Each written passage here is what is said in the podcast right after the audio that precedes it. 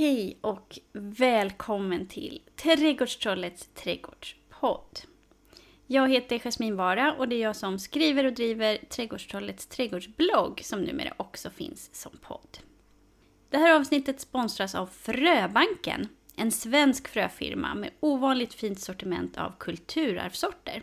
I deras webbshop hittar du både sommarblommor, grönsaker och kulturarvssorter. En del finns också att köpa i storpack eller megapack. Perfekt för dig som vill odla mycket till ett bra pris. Jag blev väldigt glad när jag upptäckte Fröbanken eftersom de har många svenska kulturarvssorter av baljväxter som annars kan vara svåra att få tag på. Som kokbönan Mor Kristin, sockerärten Marta, märgärten Mors Stora och många fler. De har också en av mina absoluta favoriter, lokförare Bergfeldts jätteärt från egen odling. Hela sortimentet hittar du på www.fröbanken.se. Anger du koden Trädgårdstrollet i kassan, stavat med små bokstäver, så får du 15% rabatt på ett köp. Rabattkoden gäller till och med augusti 2022. Tack Fröbanken för att ni sponsrar den här podden. I det här avsnittet får jag lära mig mer om vitlök av David Vanegård. David är en riktigt kunnig vitlöksentusiast som odlat många olika sorters vitlök genom åren. Vi pratar om sorter, om gödsel, sjukdomar, odling av vitlöksbulbiller och mycket, mycket mer. Och självklart så blir det också som vanligt en hel del härliga sortnamn att hålla reda på. Så fram med papper och penna eller gå in på trädgårdstrollet.se så hittar du som vanligt en behändig lista. Nu kör vi!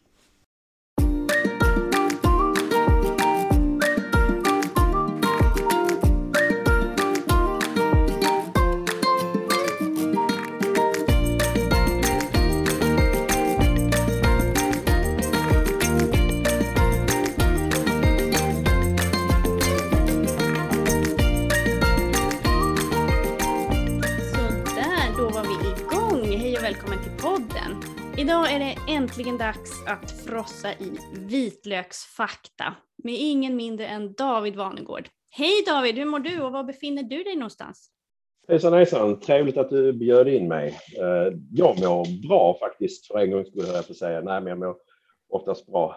Jag befinner mig i ett ganska grådaskigt väder. 10 plusgrader, småregn, lite Mm. vind. Det säger Skåne. Myspys. Ja, här är det kompakt mörker. Vilken zon någonstans? Var i Skåne befinner du dig ungefär? Eh, Det är södra Skåne eh, utanför Staffanstorp. Hmm. Ute på slätten helt enkelt. Kallt och blött och får ni någon vinter överhuvudtaget? Alltså kallt är det ju inte. Det, det är blött och blåsigt.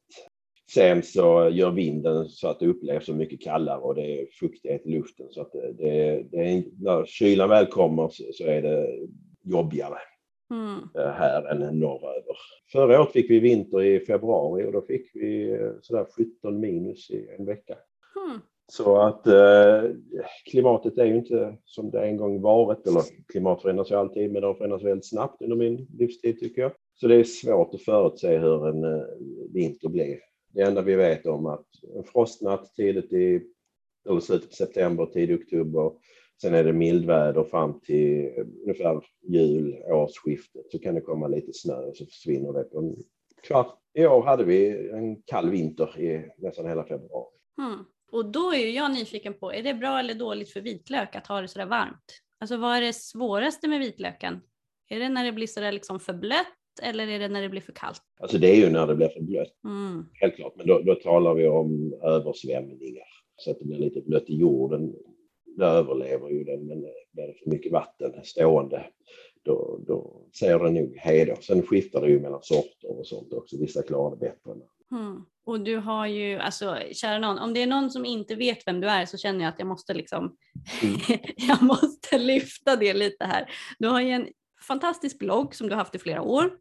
Mm. Du har ett ännu mer fantastiskt Instagram-konto och jag vet att du också är aktiv på Facebook.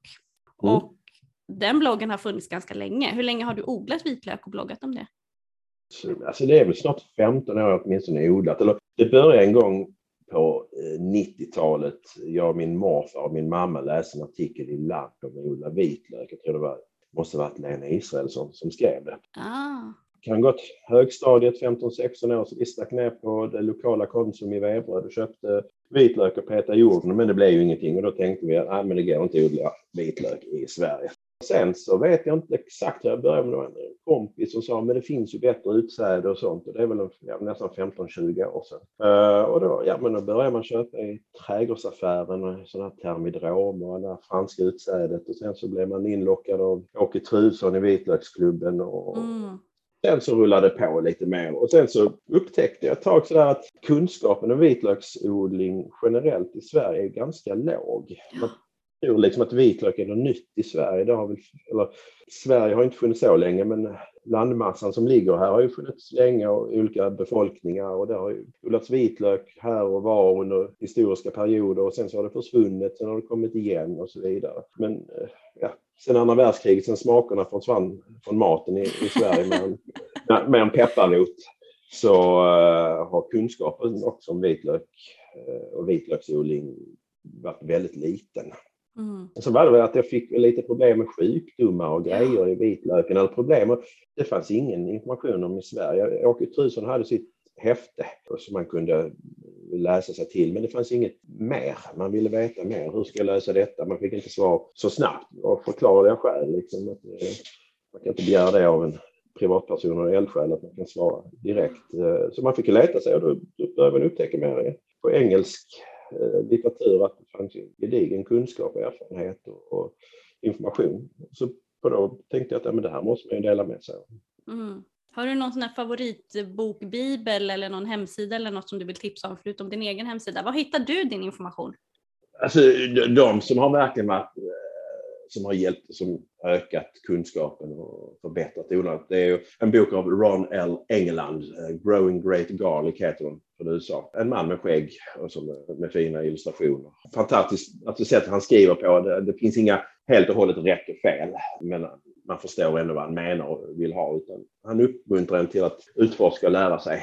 Mm. Och sen och som komplement till den så finns det The Complete Book of Garlic. Oj, oj. A Guide for Gardeners, Growers and Serious Cooks av Ted Jordan Meredith. Det är liksom tegelstenar som man eh, inte klarar sig utan. Alltså man, kan ju, man brukar ju säga att många vägar bär till Rom. Man kan ju såklart odla vitlök på alla möjliga sätt. Men mm. hur odlar du din vitlök? Är det på friland eller pallkrag? Är det en upphöjd bädd eller växthus? Är det inomhus eller utomhus? Hur, hur gör du? Jag odlar på friland. Sen har jag några pallkragar. Där till exempel, ja, där har vissa odling i för att de klarar sig lite bättre där. Till exempel bullbillodling och sololök lättare att hålla ogräsrent. Bättre sen när de kommer upp. Men alltså är det friland som jag... Det är styv lera här. För styv egentligen för att vara bra för vitlök. Men mm. Eh, man får arbeta upp den. Men eh, jag har en eh, dubbelgrep och en, jag lätt fräser ner stallgödsel, dubbelgrepar för att få djupet helt enkelt. Mm, ja, och varför ska man egentligen odla egen vitlök? Alltså, det låter ju ganska jobbigt. Det ska grepas, det ska fixas, det ska jordförbättras. Om jag har förstått det hela rätt så ska det gödslas en hel del också. Um, den finns ju att köpa yeah. i mataffären. Vad är liksom skillnaden på den här äh, härliga göttiga vitlöken du själv får fram och det man köper i mataffären? Alltså det mest plågsamma med vitlöken är faktiskt planterandet. Det är ju som jag beskrev, det är det här vädret. Det, det är ingen njutning i det. det är, det är fan bara att bita ihop. Det är precis, precis som kärlek, det är bara att bita ihop. Men, eh, men eh, så, nej, varför man ska köpa det? Alltså, dels, det smakar helt enkelt. Du kan köpa bra vitlök också om du vet vad du ska köpa det. Många rekoringar nu för tiden och bundens små marknad så kan man köpa bra vitlök också. Och du kan också på saluhallar om du hittar någon eh, fin fransk rost eller träck köpa det. Smakar också men den mesta vitlöken i affären du köper på ICA, Lidl och så vidare, den smakar ju ingenting. Mm. Sämst är köper du från Kina. Alltså du kan, du kan också hitta något som smakar väl antydan till det. Men kinesisk vitlök du köper i affären, solovitlök, det smakar ju ingenting. Mm. Sen är det väl lite också som, jag kommer ihåg Gustav Mandelmann sa det, det här med tomater. Nu dricker jag inte själv alkohol, men det är ungefär som att gå till Systembolaget och säga jag vill ha vin. Väldigt bra liknelse man går till tebutiken, jag ska ha te. Mm. Sen är ju inte smakspektrat lika nyanserat som det är till exempel när det gäller ja, vin och te och sånt. Det, det, finns inte där riktigt på vitlök. Men det, det är skillnad och framförallt odlad själv, skördad vid rätt tid, lagad på ett bra sätt. Det, det smakar. Kan man prata om smakvolym eller kan man prata om liksom någon slags eh, fräschör eller någon underton av någonting? Liksom? På vilket sätt? Ja, man kan ju säkert prata om det och, och bre på. Sen är jag inte smakanalfabet, men just att uttrycka och omforma det till text och ord är lite eh, svårare. Men, men till exempel jag, jag gav bort ett gäng vitlök till min, min svägerska som delade med sig i grannskapet och alla bara wow, det här, det här smakar ju, vilken smak. Det är hetta, det är styrka och jag bara ja, ja. Jag, jag har själv glömt bort det. Eh, alltså det är kul om de uppskattar det men eh, ja, det, det, är andra som är nog mer pricksäkra på att pricka in det. Men vissa, till exempel de här vanligaste sorterna, eller framförallt silverskin-sorterna, tycker jag smakar lite svavelton. Mm. Det är inget jag odlar då för att alltså, rent växtmässigt så hade det varit kul. Men eh, jag vill ha gott, jag vill ha god mat helt enkelt. Har du några favoritsorter rent smakmässigt som du vill tipsa om som du tycker att fler borde upptäcka? Ja, alltså det finns en sort som heter Harkov. Den är riktigt grymt rå. Råriven i yoghurt, eh, lite olivolja till så bränner det rejält i halsen när man äter den tillsammans. Du kan servera den till ett stycke kött eller någon ugnsrostade grönsaker eller något sånt. Då, då, det är inte som en chili men man känner att nu har man ätit vitlök. Mm. Sen fan, har jag tyvärr inte kvar den sorten, men eh, Spanish Red hette den. Jag tror att det var, jag måste varit en boll. Och den, den doften och den milda smaken, ja, den är utan som helst problem att blanda in i barnens mat. De kommer bara tycka det, det luktar roligt och gott. Så att, eh, jag tänker på, alltså jag har ju odlat vitlök i några år sådär. Jag har jobbat i trädgårdsbutik i många år så det har ju mm. mest blivit alltså de här vanliga standardsorterna. Mm. Liksom så. Men av de vanliga standardsorterna så tyckte jag att Germidor stack ut på något vis därför att den var så mild och god att grilla. Mm. Har du, vad tycker du om den? Du, det är nog evigheter sedan jag odlade den. Men det handlar ju lite om tillagningssätt. Till exempel, jag upptäckte några porslinssorter, simiai, den smakar ju nästan ingenting, framförallt om man ugnsrostar dem. Eller då typ grillar dem. Och heter den börjar på O, Ornak. Samma sak, smakar ingenting där, men hackad, riven, uppstekt smakar den fantastiskt. Eller rå. Så, så att det, det har lite hur man använder dem mm. och dem. Apropå tillagning, du har ju mm. ett eh, lite speciellt eh, namn på Instagram. Mm. Du kallar dig för Sir Torshi. kan inte jag uttala det alls tror jag. Men vad är det för någonting? Vad är Sir Torshi och varför heter du så? Eh, Sher Torshi, det är persiska. Aha. Sher, eh, eller sher, sher eh, är vitlök och Torshi betyder inläggning, eller inlagd rättare sagt, inlagd vitlök.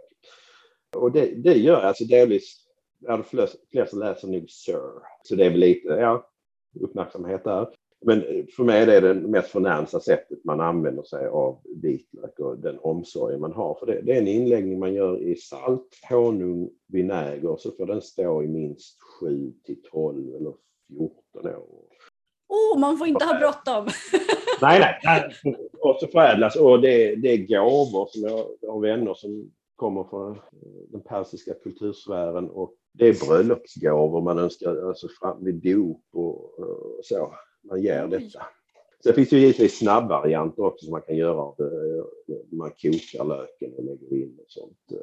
Och just olja, vinäger och salt, det är, ja, det, det är jättebra. Men just den omsorgen och den historia som finns nere i den delen av världen. Ja, här uppe låg inlandsisen kvar, men där hade man en utvecklad kultur och civilisation. Det tycker jag är jättefascinerande och anspelar lite på den.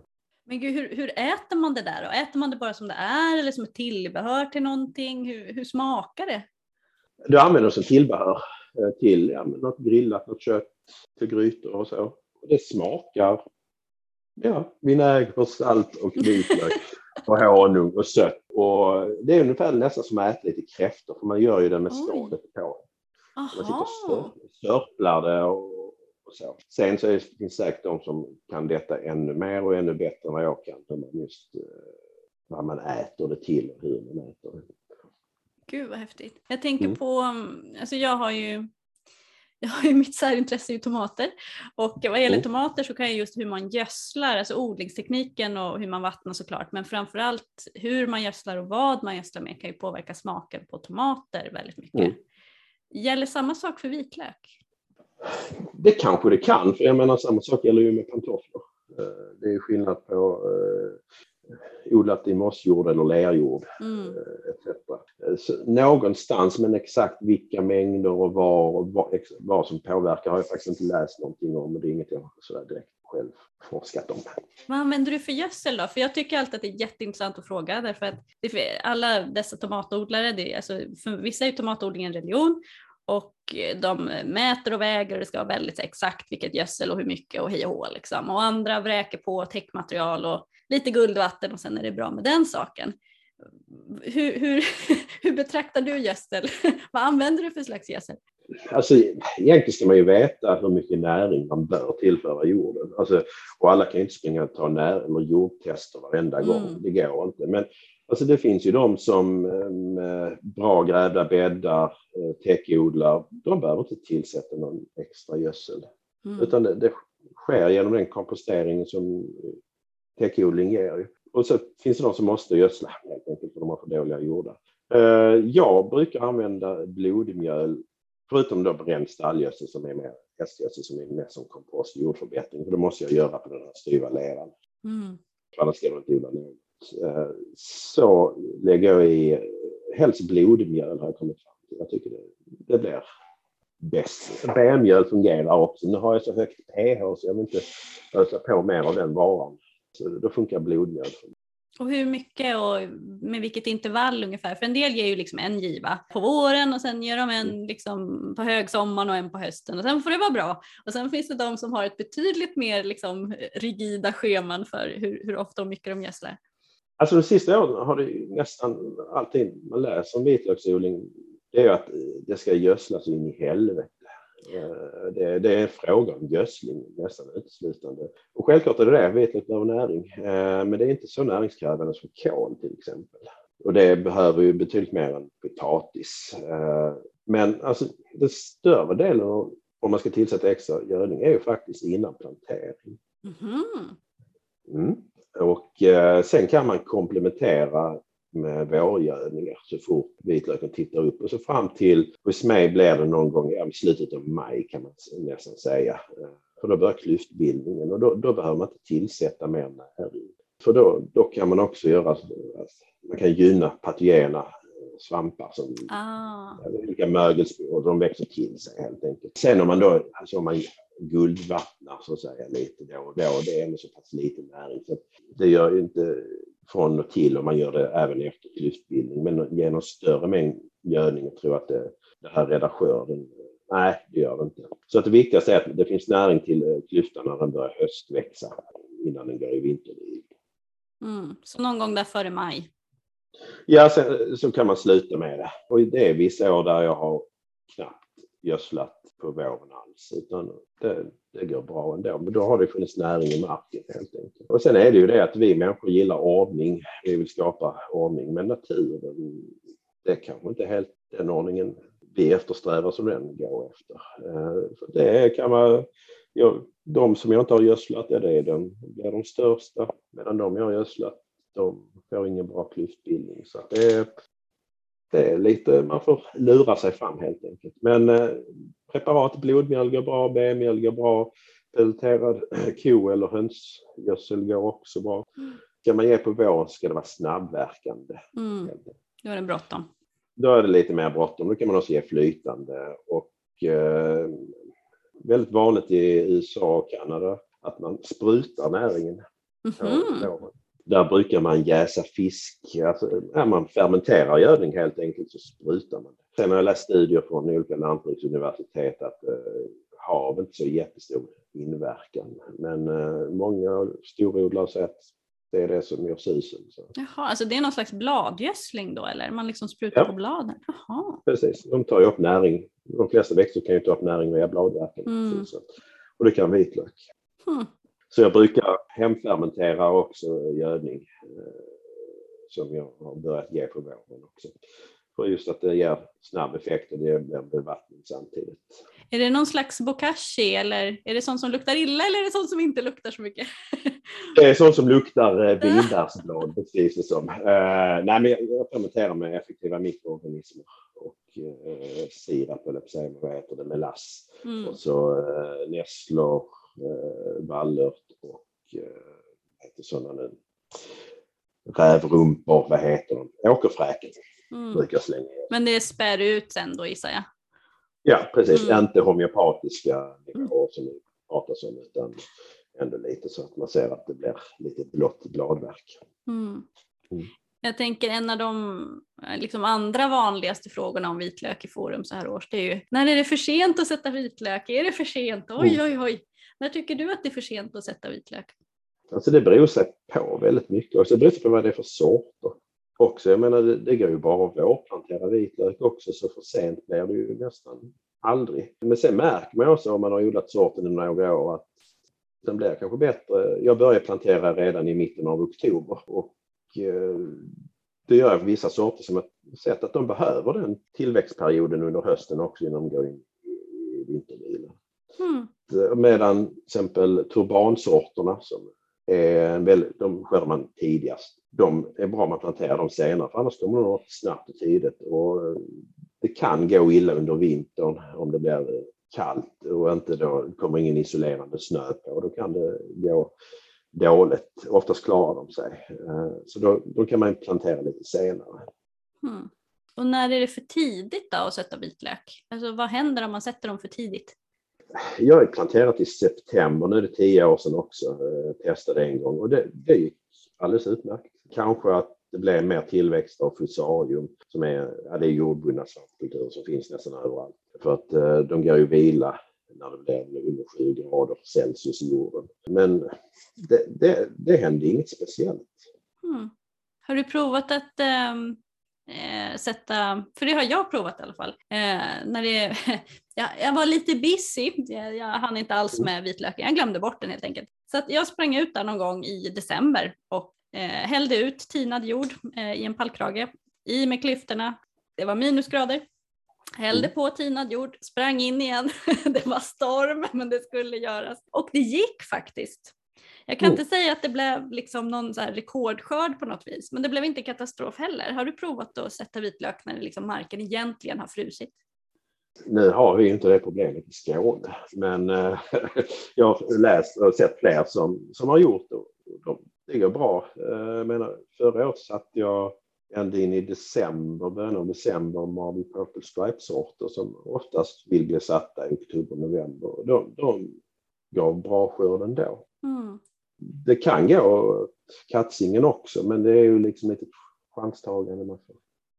Ja, alltså att odla överhuvudtaget är väl lite chanstagning, alltså man vet ju aldrig ja, ja. hur det blir. Nej, men eh, alltså, vad är liksom en bra vitlökssäsong då? Vad är en bra vitlökssommar?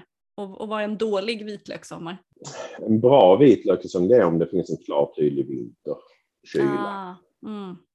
Heter det, tjäle i marken. Det skyddar inte vitlök från kyla utan täck den inte över vintern utan låt den ligga bra så kylan går ner. Sen så på med täcke så att kylan konserveras lite i jorden. Sen en, en vår som innebär stigande temperaturer, inte för rask takt. Gärna en maj som är kall och blöt. I år blev det ju faktiskt så, men sen kom en juni som var så in i helvetes varm. Mm. 30 grader, torkade ut. Det, det, blev, det, det märktes en stor del av skörden. Men en juni som håller sig inom lagom temperaturer. Sen får det gärna vara eh, torrt och varmt när man skördar. Mm. Det sämsta är det är om det kommer in regn när man ska skörda. Inte för att man packar jorden och så, utan mer för att det sprids också bakterier via regnet som kan orsaka mm. röta. Eh, sen också har man inte bra utrymme att torka dem, utan torkar utomhus så blir det ju svårare att få det torrt ja. helt enkelt. Hur kan, eh, jag tänker på det här med lagring, alltså vissa sorter går ju bättre att lagra än andra brukar man mm. säga. Men finns det liksom någonting jag kan göra för att påverka lagringsdugligheten till det bättre eller till det sämre? Om jag börjar tokgödsla för sent, blir de svårare att lagra då? Eller om jag vattnar för yeah. mycket eller något annat? Alltså om du tokgödslar mot slutet så eh, kan du öka lagring som röter. Mm. Alltså en vanlig svampkultur som finns i jorden är penicillium. Det är den som finns till exempel om du köper clementiner på ICA som blir lite blå och möglig. Den finns överallt. Och har du otur så kommer den in i vitlöken och det, med mer gödsel så ruttnar löken helt enkelt i, i lagring. Mm. Sen vattna, ja, kan, du ska inte vattna precis innan du skördar givetvis, men regnar det mycket och vitlöken måste upp så måste Mm. mitt och kanske det bara blir lite svårare att torka. Eller? Ja. Och så är vi- vitlöken också väldigt torr så kan man alltid, och du vill åtminstone ett utsäde kan du ju torka direkt som klyftor. Du Mhm. behöver inte torka den helt som lök för att de flesta sorter håller så pass länge tills det är dags att plantera i varje fall som klyftor. Aha. Och till exempel har du då problem med de här eh, bakterierna som kommer, vad heter de, skin, ja nu kan jag inte det, men jag skrivit om det på eh, ett inlägg på Instagram. Separerar du klyftorna och torkar dem separat så smittar de inte sinsemellan. Smart. Hur vet man att vitlöken har torkat klart då? Finns det någon sån här typ en vecka eller finns det någon sån här typ tidsperiod man kan ha som att häfta på? Så jag brukar säga åtminstone tre veckor. Sen kan man börja ta dem. Så bör, man kan också känna lite på smaken. För annars är den smakar inte så mycket i och med att det är mer vatten i den. Helt. Ah. Så efter tre veckor så börjar jag klippa ner den lite mer. Jag brukar skörda den så klipper jag av rötterna oftast direkt vid skörd. Och sen hänger den i blast för det fungerar lättast för mig att torka på det sättet eh, i, i kärvar helt enkelt. Och sen därefter så börjar jag se på bladen att de börjar torka in och då klipper jag av skälken med några centimeter och rensar av och så får väck. För det blir ju det blir mycket bladverk som torkar så det blir ju lätt smutsigt och, och skitigt. Mm.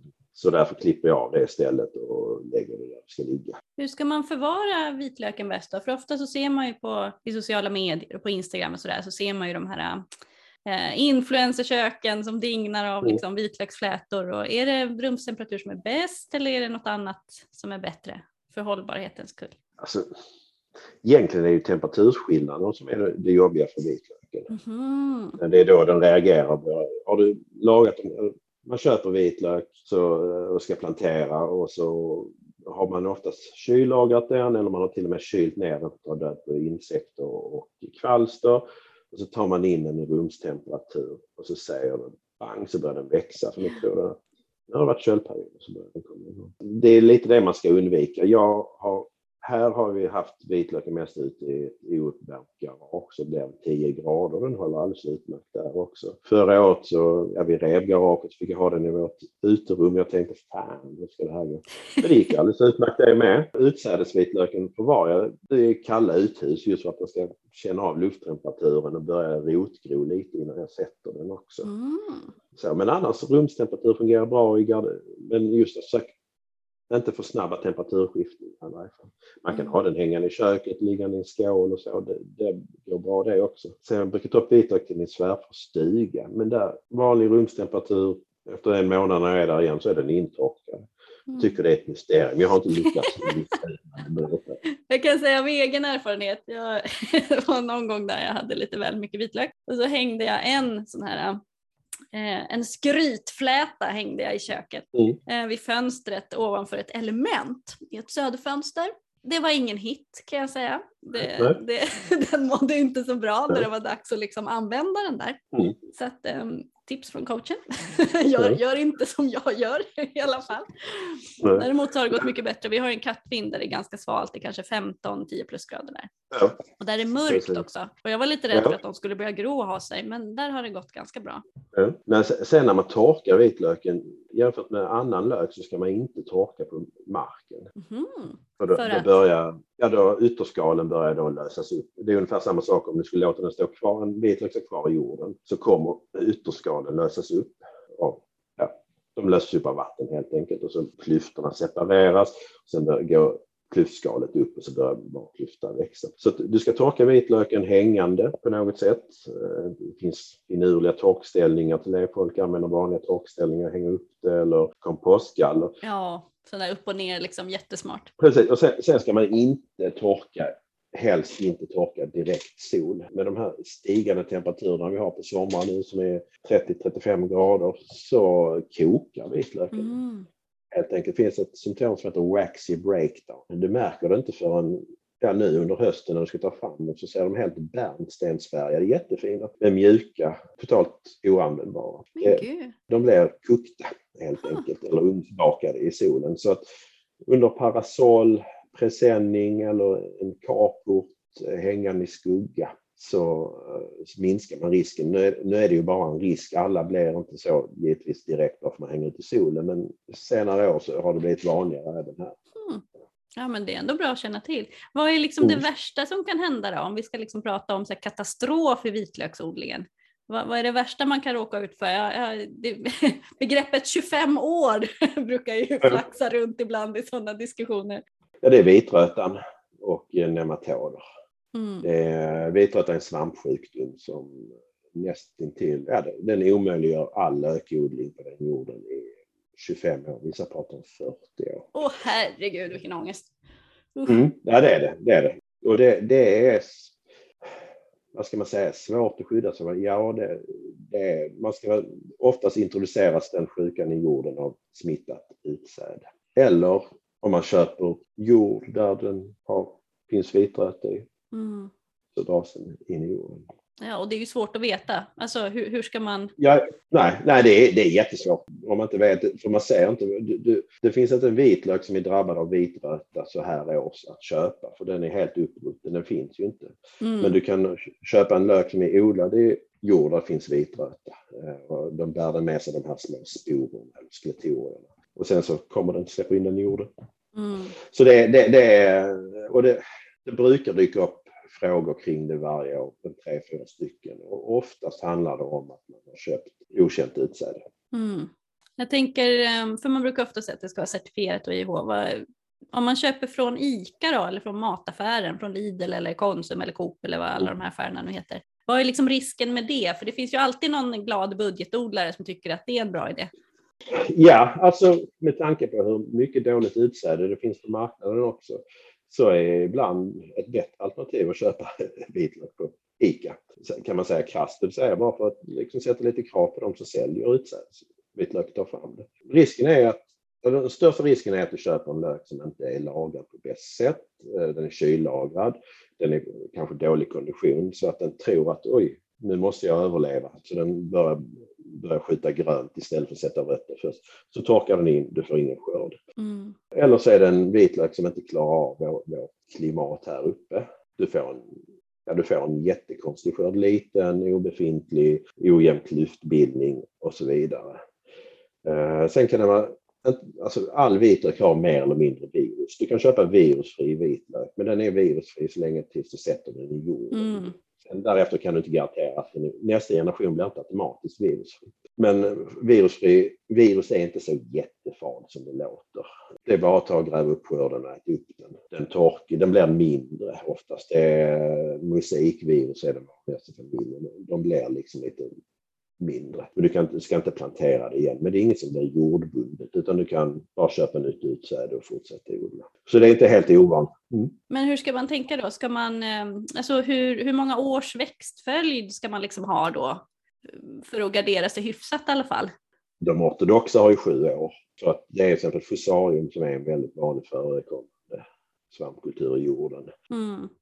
Gör, alltså det finns ju jättemånga olika varianter och de som går på vitlök de kan du genom att inte odla allium där på sjöar svälta ut helt enkelt. Mm. Men alltså fyra, fem år är, om du inte har problem med det, är rimligt att försöka hålla. För då skulle du få in till exempel penicillium, det är två år, sen finns inte den i jorden. Mm. Botrytis håller sig väl fyra, fem år. Men då vitröta nematoder, ja det är 20 år. Man brukar ofta prata om, eh, alltså jag pluggar ju mycket frukt och bär och då pratar man ju Mm. mycket om sorter som är liksom resistenta mot vissa sjukdomar eller motståndskraftiga eller liksom, Mm. eh, som du nämnde nu, virusrensade. Finns det några Mm. sorter som har liksom en inneboende resistens eller som liksom alltid är motståndskraftiga på vitlök? För det har jag aldrig någonsin läst om. Vitröta finns ju till exempel finns ingen resistens mot och det finns ingen metod att bekämpa det heller. Det finns ju teorier, till exempel Bokashi menar man på ska Mm. kunna skydda och så vidare. Men det finns ingen bevisad metod till det än så länge. Det är bara så är det. Sen finns det, det skrivs om att de är mer resistenta. Men exakt hur, det vet jag faktiskt inte. Men jag tänker de sorter som har vandrat runt och människor har odlat under många, många hundra år. Hade de inte varit resistenta mot de här vanliga förekommande djävulskapen så hade de inte funnits kvar. Mm, och det är sant. Det är ganska logiskt egentligen. Ja, och sen är det också en del kunskap i detta, till exempel att minska, vilket är väldigt vanligt i östra Europa. Eh, odlar man topplöksättande sorter så förnyar man dem genom bulbiller ungefär vart tredje, fjärde år. Mm. För, ja, för att det minskar virusmängden och eh, man behåller egenskaperna för vitlöken som man eftersträvar. Mm. Alltså just det här med bulbillodling vill jag gärna ord, det, det måste vi prata mer om. Därför att jag gillar ju budgetodling, eh, alltså att om man på något sätt liksom kan odla hyfsat sparsamt och inte alltid mm. måste köpa eh, nytt utsäde hela tiden. Mm. Hur kan man då odla bulbiller? Kan man göra det på ett liksom smart, ekonomiskt smart sätt så man slipper köpa nytt utsäde? Går det att liksom bara hålla igång sina bulbiller av en sort? Ja, det gör det. Och det är oftast mer ekonomiskt än att odla från klyftor. Mm. För de, till exempel en vanlig förekommande sort nu för tiden är Alexandra. Ja, en, mar en Marble Purple Stripe. Den ger, vad säger vi, sju klyftor ungefär. Ibland nio per lök. Köper den artichocksort som till exempel termidrome, vad ger de? 15 klyftor per mm. lök. Då står man att det krävs fler lökar för att hålla utsädemängden igång. Man ska ja. från klyfta på Alexander. Men sätter du då, ta en topplök, vad kan den innehålla? 100 bulbiller. Alla blir inte fullstora lökar. Nästa generation, när du sätter så kanske du får av de här 100 så får du 30 som är bra storlek på sololöken. Av dessa 30 så får du kanske ut, vad ska vi säga, 20 bra lök. Mm. Så hur många år måste jag liksom odla vidare innan de börjar dela på sig? Vid tredje året så har du, alltså om du sätter nu hösten, hösten nu 21 eller våren 22, så sommaren 22 så skördar du sololök. Planterar om den. Sen sommaren 23 så har du klyftlök. Mm -hmm. Man får inte ha så bråttom alltså? Nej, men eh, tre år försvinner ju ganska snabbt ur livet har man ju märkt. Och det gäller att selektera då också? Alltså in, spara de stora, ner med dem igen? Precis, precis. Och vad, vad gör jag med de små då? Alltså stoppar jag dem i munnen eller åker de i komposten eller vad kan man ha dem till? Ja, julgranskulor. Nej, men du, du kan ha dem. Du, du, kan ha dem till det mesta eh, som smaksättare i inläggning och, och, så vidare. De blir ju, är de små så är de ju då givetvis inte stora, men eh, de blir ändå så små så att de är ganska opraktiska att ha skal och så vidare. Så att eh, man hotar dem eller ja, har dem mm. som kryddor ugnsmakar och så vidare. Men de stora sparar du helt enkelt. Mm. Vad händer om jag bara låter de här, om jag sätter bulbiller i jorden och sen så glömmer mm. jag bort att plocka upp dem, om jag bara låter dem sitta kvar, vad händer då? Mm. Alltså det, det, då sköter det sig själv. Det tråkiga är med det att man kan ju, alltså det, det är ju som sagt inte bara vi människor som gillar vitlök, utan det är de här patogenerna som där borta växer vitlök. Vi måste nästan rusa dit, så man ansamlar patogenerna om man låter det växa kvar. Tyvärr är det så. Eh, mm. Det finns de som gör det och, och lyckas och gör det år efter år. Men det är som sagt det är lite risktagande. Sen är det alltid bra att ha koll på också vad, vad som händer. Vad har man i jorden helt enkelt. Och när man gräver upp och tittar på dem och selekterar. Mm. Men vad kul att du nämnde just Alexandra för hon är väl mm. något av, liksom, vad ska man säga, en rockstar eller superstar i sammanhangen. Mm. Finns det någon mer sån här vitlökssorts kändis eller så här stor så här poppis-sort som har trendat lite extra på senare år? Ja, det är, ja, det är ju den norska varianten, den heter numera Valdres. Den, mm. Det är också en Marble Purple Stripe. Eh, den kom till Vitryssland och Belarus som det nu kallas, till Norge för 20 år sedan. Det var någon som besökte en, ett kloster och fick den här av en munk och sen har den uppförädlats. Den är också, i, det, i Norge så är det nästan Valdres man vill ha. I Sverige och Finland så är det Alexandra. Hmm. Men alltså det här med kategorisering och mm. gruppering mm. av vitlök är ju ganska rörig och komplicerat tycker jag. Mm. Du har ju nämnt begreppet Purple Stripe, Marble Purple mm. Stripe. Man har ju ofta hardneck och softneck och kreol och rock'n'roll och allt vad de heter. Mm. Och en del vitlöksnördar tycker att vissa grupperingar är onödiga och så har de slagit ihop några grupperingar mm. och andra tycker att nej men det här räcker inte alls till och så hittar de på egna kategorier istället, ännu fler. Mm. Åke har gjort så till exempel. Jag tror han använder sig av det amerikanska systemet på den vänster. Alltså, vilka kategoriseringar av vitlök tycker du är liksom bra eller relevanta? Eller liksom, hur, hur kategoriserar du vitlök? Tycker du att det behövs? Alltså, Ja, jag använder också det amerikanska systemet och det som australiensarna också använder. Alltså det är två huvudgrupper. Det är de som sätter topplök, det som kallas the hardneck och de som inte sätter topplök, det som kallas softneck.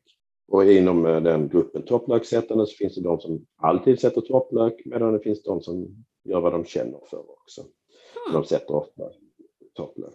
Och där finns ju de undergrupperna. I, det, det använder jag för mer och mer har man ju också med modern DNA-studie börjat hitta, se mer släktskapen på en faktisk basis än att bara gissa sig till. Eh, men sen är det också ganska kul för att mycket kontakt med Östeuropa, där har man två distinktioner. Det är vintervitlök och vårvitlök. Mm -hmm. allting, annat, allting annat är nästan ointressant. Det är bara när man ska plantera den. Huh. Och de lyckas ju producera både en och annan vitlök så att eh, ja. Häftigt. Mm. Men sen tycker jag det, det, det, är ganska bra att ha ett gemensamt språk. Eh, för mycket av kunskapen, jag menar dels via sociala medier, är att man pratar med odlare från resten av världen, så det är bra att veta. Men vad intressant att du sa just det här med hardneck och softneck, därför att mm. just det här med ifall de sätter topplök eller inte, därför att jag tror att många tänker att det här med hardneck och softneck är bara eller främst intressant beroende på om man vill fläta vitlöken eller inte. Det var en av den absolut vanligaste frågan jag fick när jag jobbade i trädgårdsbutik. Går den här att fläta? Går den här att fläta? Går den här att fläta?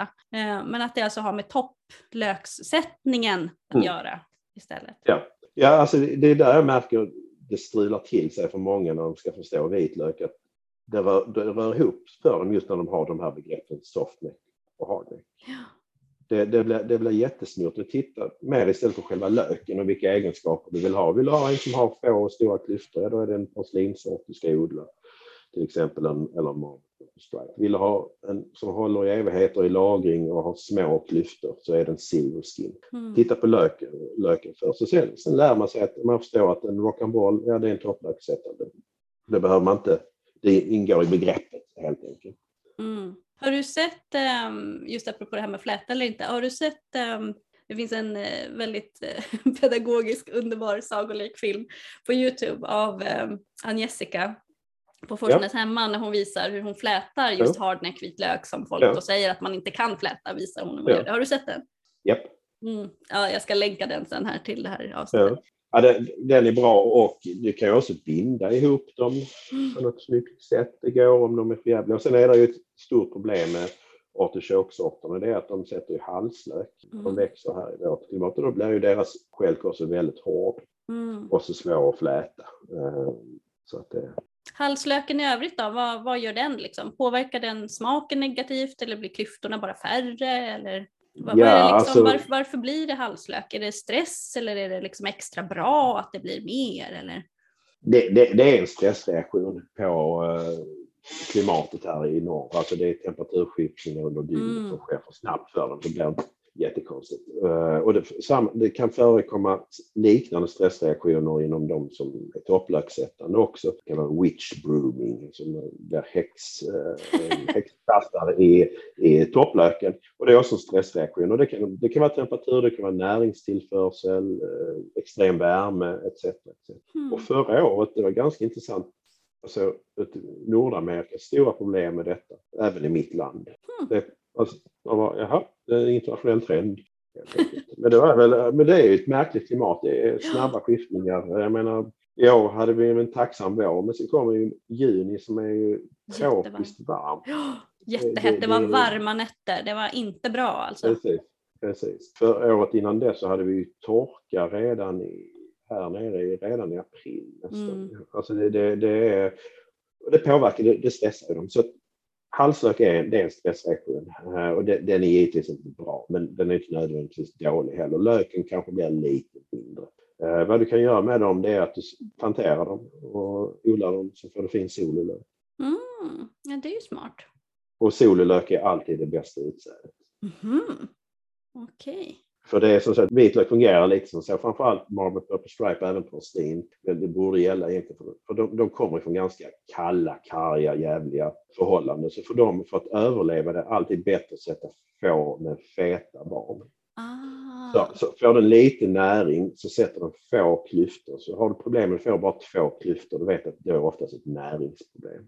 Okej. Okay. Eh, det behöver inte nödvändigtvis att du inte har tillsatt näring, utan det kan vara också temperaturen som gör att den inte hänger med riktigt, fångar upp näringen. Så en, får du en sololök så är det överlevnad för vitlöken. Hmm. Samla på sig så mycket näring den kan göra utifrån det förhållandet. Sen nästa år sätter du så kan du få en bra storlek. Det finns de som trixar med att har du små klyftor så odlar du dem, tvingar dem till att bli sololök så har du bra utsäde nästa år. Jag vet inte riktigt hur det fungerar. Jag tycker det låter lite för Nej, det är för mycket meck med sånt. Vad händer om jag sätter den, alltså för ofta brukar man ju säga då att om man har en vitlök, man ska dela på den och sen när man sätter mm. klyftorna då individuellt. Vad händer om man sätter en hel vitlök, om man inte delar på klyftorna? Nej, men det, då får du ett litet paraply nästa år. Alltså, små vit, varje klyfta försöker bilda en egen ny vitlök. Hmm. Så då får du, får du en skog av vitlök. Du kan ha sånt och så går du och klipper av det klippgrön, gröna och så låter du det vara kvar och så låter det sprida sig lite. Hmm. Ja, det ser man. Mm. Alltså, finns det något så här liksom experimentellt sätt att odla vitlök på som du har provat någon gång? Typ på ett tak eller någonting? Nej, nej det är mer vårplantering och utforska det. Mm. För det, det finns jag vet i Finland har man stora problem med utvintring av vitlök. Så där börjar man gå mer och mer över till vårplantering. Mm. Sen tänker jag också hur tätt kan man sätta dem utan att de konkurrerar för mycket för att maximera ytan. Det är lite det jag tittar lite på. Mm. Om man inte, eller ja, om, om man liksom vill ha mängd, finns det någon sort som är extremt produktiv? Alltså det är ju de artichocksorterna, de är, de är produktiva. Du får många klyftor per lök mm. helt enkelt. Och de kan också väga ganska hyggligt, bara 80 till 100 gram. Okej. Om jag istället för att odla liksom mängd, om jag vill odla smak då, om jag vill odla inte kvantitet utan kvalitet, vad är det för grupp jag ska sikta in mig på då? Kreolsorterna tycker jag är godast. De blir inte stora. De jag sett, vissa kan givetvis bli det, men 60 gram, kanske 50 gram. Många jämnstora klyftor, bedårande doft och smak.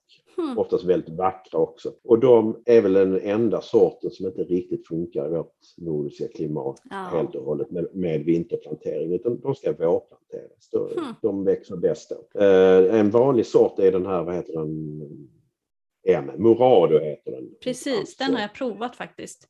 Ja. Nej, gick inte jättebra. Nej, men den funkar ändå relativt eh, bra på höstplantering. Eh, vissa andra som Balt har jag testat. Eh, det ser inte ut som en vitlök när jag skördade på mm. sent på sommaren. Den mäktar inte med den här kylan, men vårplanterad går hur bra som helst. Mm. Nej, jag tyckte smaken på Morado var bra, men jag tyckte, tyckte inte alls att den var så produktiv. Jag var Nej. inte superimpad av liksom mängden jag fick sådär. Det... Nej, utan det, det, är, det är smak och kvalitet då man är ute efter. Sen finns det ju det finns andra eh, kreolsorter som också påställa Träck är väl också en kreolsort, ja det är det. Eh, den ger stora, den, den ger bra. Mm. Men jag tänker, finns det någon sån här någon gyllene medelväg som liksom både är god och hyfsat produktiv? Finns det någon sån här mittemellan sweet spot? Ja, jag, jag gillar ju uh, Marble Purple Stripe då, då, de är mina det är favoriter för det, det blir stor lök. Mm. Uh, jag menar, det, jag har skördat lök på över 230 gram stycket. Jösses! Ja, alltså det, det, är ju, det, var, det var bra år. Det, det får man ändå, vad ska man säga, tennisboll? Alltså, vad, vad säger man, halv tennisboll? Hur ska man förklara för någon som... Ja, det, det är ju stora som mina handflator. Har mm. ganska stora handflator. Problemet med dem, vissa tycker det är ett problem, men jag är helt oförstående, det är att de tycker att det är för stora klyftor. Lyxproblem. ja, det, det, är ju det. Jag, jag förstår inte. Men de, de, de håller bra i lagring. 10 månader till ett år. Fem till sju klyftor per lök, då, då, har man, då har man det bra. 100, 120, 130 gram. Klarar det mesta vintrarna, härdiga och så ganska snygga. Mm. Man är, man är ju lite fåfäng också. Så att, eh, så att, ja men de är bra. Eh, sen även asiatiska sorter som Pyongyang tycker jag är väldigt trevlig. Det är också sådär bland vitlök att oftast har ett vit, bra vitlök och diktatur ett tydligt samband. Oj, det är oj, tragiskt. Oj. Det är tragiskt, men ja, det är det. Många från Belarus till exempel och även Ryssland har väldigt bra sorter. Men inte så mycket demokrati. Och framförallt Nordkorea, där finns inte demokrati på något mm. sätt, men väldigt bra vitlök. blir inte så jättestor, men en het, skarp snak röda klyftor. Ja, den, är, den, är, den håller jag liksom lite varm. Sen har jag en egen husfavorit. Jag har två husfavoriter med mig. En, en heter Kudaver. Det är också en Marble Purple Stripe. fick tag på den eh, via finska frösamlarna som har samlat den från Estland, en by som heter Kudavere. där den odlats åtminstone sedan 1920-30-talet.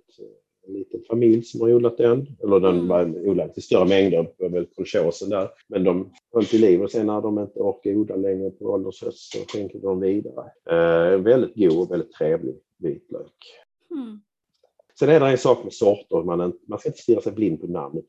Efter ett tag upptäcker man att många är väldigt lika varandra. Ja, alltså, och man måste ha ett labb. Alltså, det är omöjligt att ja. veta vilka, alltså det här med DNA-test, alltså, det är omöjligt ja. att veta vilka som är samma. Ja, troligtvis är det ju samma sorter. För att till exempel Alexandra är ingen egen sort, utan man hittade den i en trädgård och döpte den efter den här pomologen Alexandra.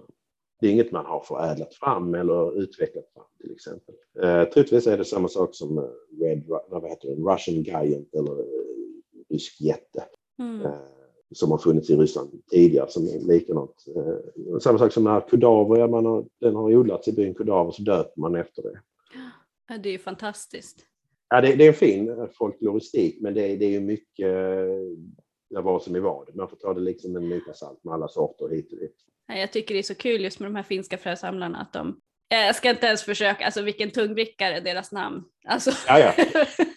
Hy äh, kommer jag till sen. eller, eller något. Eh. Ja. Jag frågade min kära sambo som faktiskt pratar finska, men han bara tittade på mig och skakade på huvudet och garvade och sa det är ja. knappt, knappt de infödda ja. kan uttala det där, sa han och garvade. Ja. Jag tänker, har du några sorter av vitlök som inte blivit så bra hemma hos dig då? För nu har du nämnt några som är liksom extra bra och trevliga. Finns det några som du inte vill odla igen?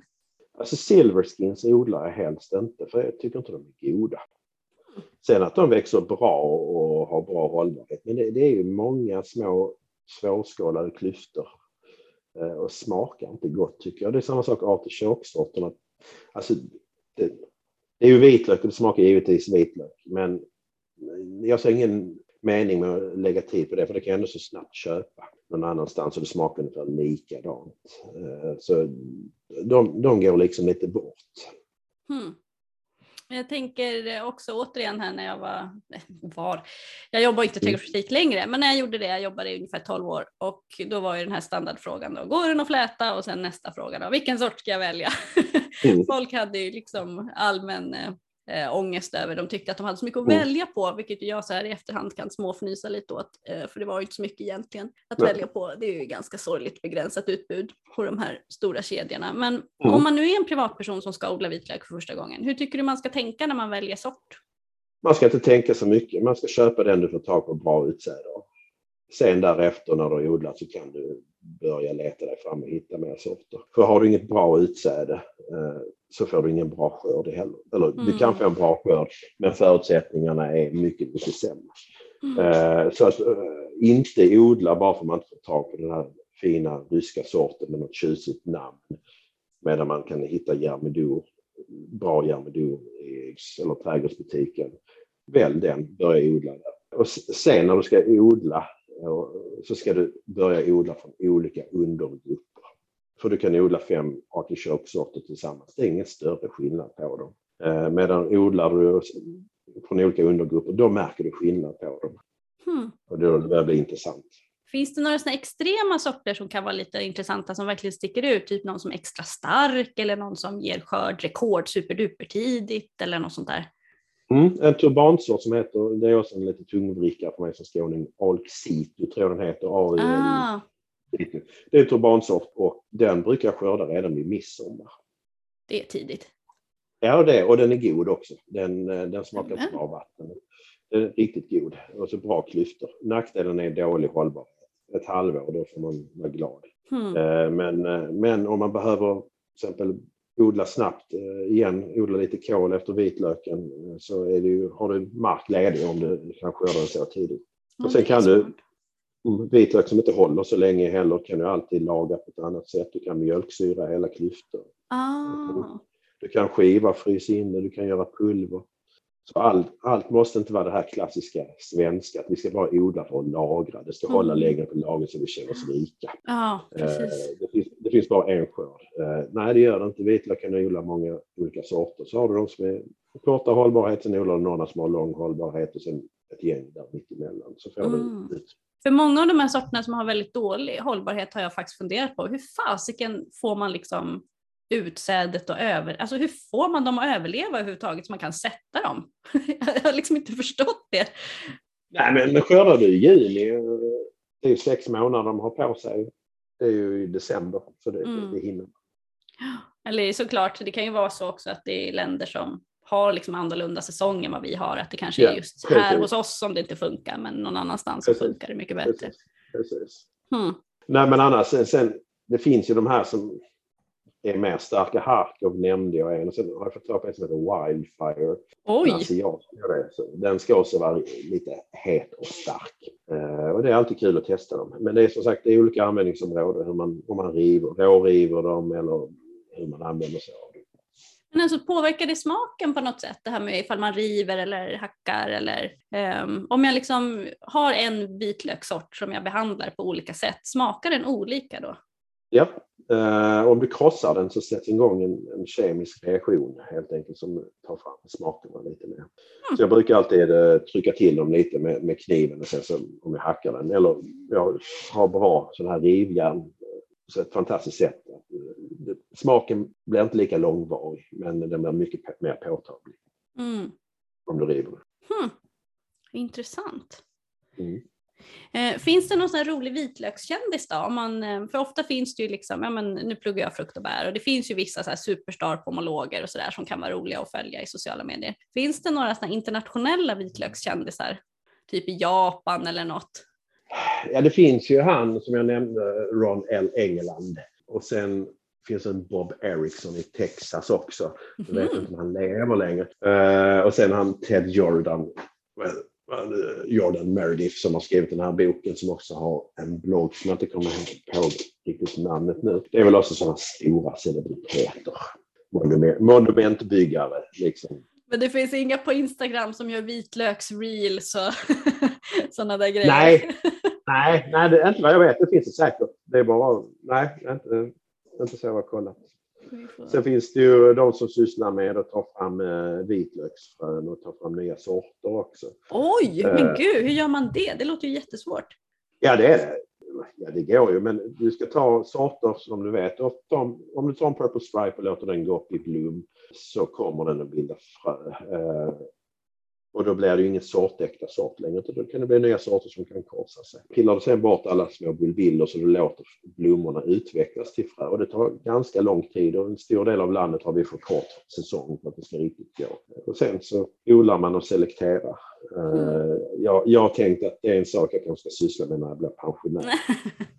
Eh, för det, det, det är mäckigt helt enkelt. Eh, och, jag känner att min hjärna räcker inte till för all kunskap. Så att, eh, det får jag se på framtiden när jag gör. Men eh, om man inte vill förädla det, om man vill odla i bevarandesyfte, hur ska man tänka kring det här med korspollinering och avstånd och hej och hå då? Om man vill odla flera olika sorter och vill bevara dem så att de fortsätter vara... Det finns inga som helst problem med att göra det för att eh, det krävs ingen alltså pollinering. Till Mm. exempel bulbiller, det är ju en, det är en lök, det är en klyfta, det är en luftklyfta Mm. kan man säga. Så att det blir ju, du, bara förökar som vanligt, de korspollinerar sig aldrig. De kan ju, vitlök kan ju mutera, det är ofta så nya sorter. Aha, det är mutationer, ja. Mutation, precis. Eh, Men annars är det ingen större risk. Men det kan vara bra att veta om du ska hålla en gammal sort som i topplöksättarna då och då förnya sorten genom bulbiller. För att vad händer annars? Att klyftorna blir mindre och mindre och de liksom degenererar på något sätt eller? Ja, det genererar på något sätt kan vara ja, lite mindre, mindre, den håller inte formen på Sämre och sämre. Ja. Sämre och sämre. Det, um, virusmängden den blir för stor i den också. Mm, det också. Mm. Mm. Oh, och sen den här sista superklassiska frågan. Hur vet jag att vitlöken är mogen? den måste jag ställa, annars kommer jag bli lynchad av lyssnarna. det, det, det, den ställer jag mig samma sak nästan varje år. Det är Eh, intressant, alltså, alltså det går i cykler, det är liksom samma, det är Ja. jättefascinerande. Jag vill, jag, det är precis som jag vill ha något att oroa mig för här i livet. Jag har ju många skäl att oroa mig sådär generellt som alla människor har. Men här känner det, det känns nästan tvångsmässigt. Jag vågar, ska jag nu? Nej, jag vet inte. Lättast sätt är att titta på bladen. Och sen också skiljer sig lite mellan lite olika undergrupper. Är det tre gröna fina blad kvar då kan det vara dags att bra skörda de flesta sorter. Eh, Marble Pepper Stripe som har feta blad, de håller ganska bra i lagring även med bara två kvar. Mm. Uh, och då, så många gröna blad som finns kvar, så många färska skal finns det kvar runt löken. Så ju tidigare du skördar den, desto, desto fler skal får du kvar som kan torka. Men eh, ungefär när det är tre kvar kan man säga, då, då, då går det bra på de flesta. Ja men smart tänk. Man, eh, man, ska inte lita sig som på annan lök att blasten lägger sig. Då, mm. då, då, är det på tok för sent. Turbansorterna kan göra det, lägga sig ner och så, men de flesta andra har de lagt sig, då är det någonting som är riktigt galet. Ja, jag förstår. Mm. Hmm, intressant. Eh, det som jag mm. verkligen plockar med mig från det som vi har pratat om nu, det är ju det här med som du sa förut om det här med hardneck och softneck. Och jag tänker att så här, mm. hardneck måste liksom vara styva i skälken för att ork, orka hålla uppe sin bulbillhuvud liksom, eller vad man ska kalla det för. Ja. Att det är ju ganska logiskt Topplök. egentligen. Ja. Topplöken där, ja. ja. Men det är ju supersmart. Hm. Ja, eh, nu har vi eh, poddat här i över en timme faktiskt. Ja. Eh, men jag brukar alltid avsluta med samma fråga. Och det är, är det någon fråga som du tycker att jag har missat? Eller vad vill du prata mer om? Eller vad önskar du att trädgårdsmedia ville ta upp mer? Vad saknar du i trädgårdsdebatten? Liksom? Du menar generellt? Ja, i liksom klassisk trädgårdsmedia. Den var jag inte beredd på den frågan. Eh, nej, nej, den får jag faktiskt pass på. Inget så, nej, inget jag känner att det har behov, eller det måste vi göra eller det måste vi inte göra. Ja, men det är väl befriande? Ja, det tycker jag. Det tycker jag. jag vet, vissa gäster har, har, har, blivit så upprörda över den frågan. De, de blir så ilskna över hur, mm. hur illa landet ligger att de, de vågar inte svara på den ens. Um, och andra vill gärna liksom tipsa om sina så favorittidningar som ofta skriver om just deras favoritämne och sådär. Jag vet inte om det finns någon trädgårdstidning som, som ofta skriver om vitlök. De kanske alla skriver om vitlök på hösten. Ja, Ja, det gör de ju. Uh, Natur och trädgård hade väl, heter det, ja, Naturträdgård heter det. Tusen hade ett bra reportage där för många, några år sedan till exempel. Mm. Ja, man kan väl fortfarande köpa gamla nummer av den, tror jag. Ja, det kan man göra, det kan man absolut göra. Uh, nej, men annars stråförkortare och kalksalpeter tycker jag det ska vi använda oss mer av. Nej, det var ironiskt. Det hoppas jag verkligen. jag satt här och så här, ja, ska jag klippa bort det här tänkte jag. Men lite mer växtretarderingsmedel. Ja, precis. Lite mer klopyralid. Lite mer. Ja, precis. Åh, oh, fy. Nej, vi får... en, en, sak, en sak jag kanske kan efterlysa mer, det är en någorlunda mer sansad debatt om GMO. Mm. Mm. Är det någonting som påverkar just vitlök tänker jag då? Då blir jag jättenyfiken. Nej, nej, det gör det väl inte. Eh, det, jag tror inte det är aktuellt någonstans med GMO på vitlök. Så. Men man kan diskutera ämnet utan att blanda in Gud och i framtiden, tänker jag. Att eh, man kan diskutera lite mer sakligt. Överhuvudtaget saklig diskussion utan att, eh, mm. utan att tonfallet åker upp i taket och utan att folk blir kränkta. Personligen så kan jag känna att jag vet inte, tonfallet på sociala medier periodvis, inte hela tiden, men periodvis är ganska beskt. Att uh, den här, förr så fanns det en större vilja att liksom bolla idéer kan jag mm. känna. Men med tiden har det liksom blivit mer och mer på en gång att man ska tycka på ett visst sätt. Mm. Och om man inte gör det då kommer det genast massa konstiga, alltså då blir det moderator på, på tio personer ja. samtidigt. Det, det, är starka känslor. Vad är det som gör att det blir så starka känslor med odling?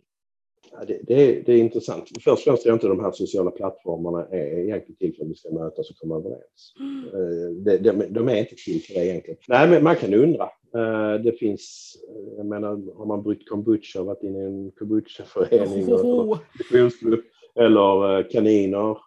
Jävlar i det finns mycket åsikter där också. Fermentering kan jag säga, ett riktigt hett, oj oj oj, fermentering. Ja, ja. Det är det. Eh, sen är det kanske människor som har haft samma missförstånd i en riktig social situation som det blir tydligare när man gör det i, i skrift helt enkelt. Mm.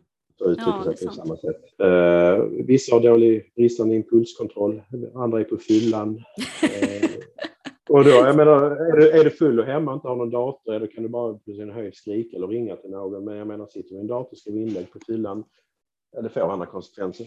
Ja, jag vet, ofta tänker att det borde finnas någon form av alkolås på både telefoner och på tangentbord. Ja. Men det är en annan diskussion. Ja. ja.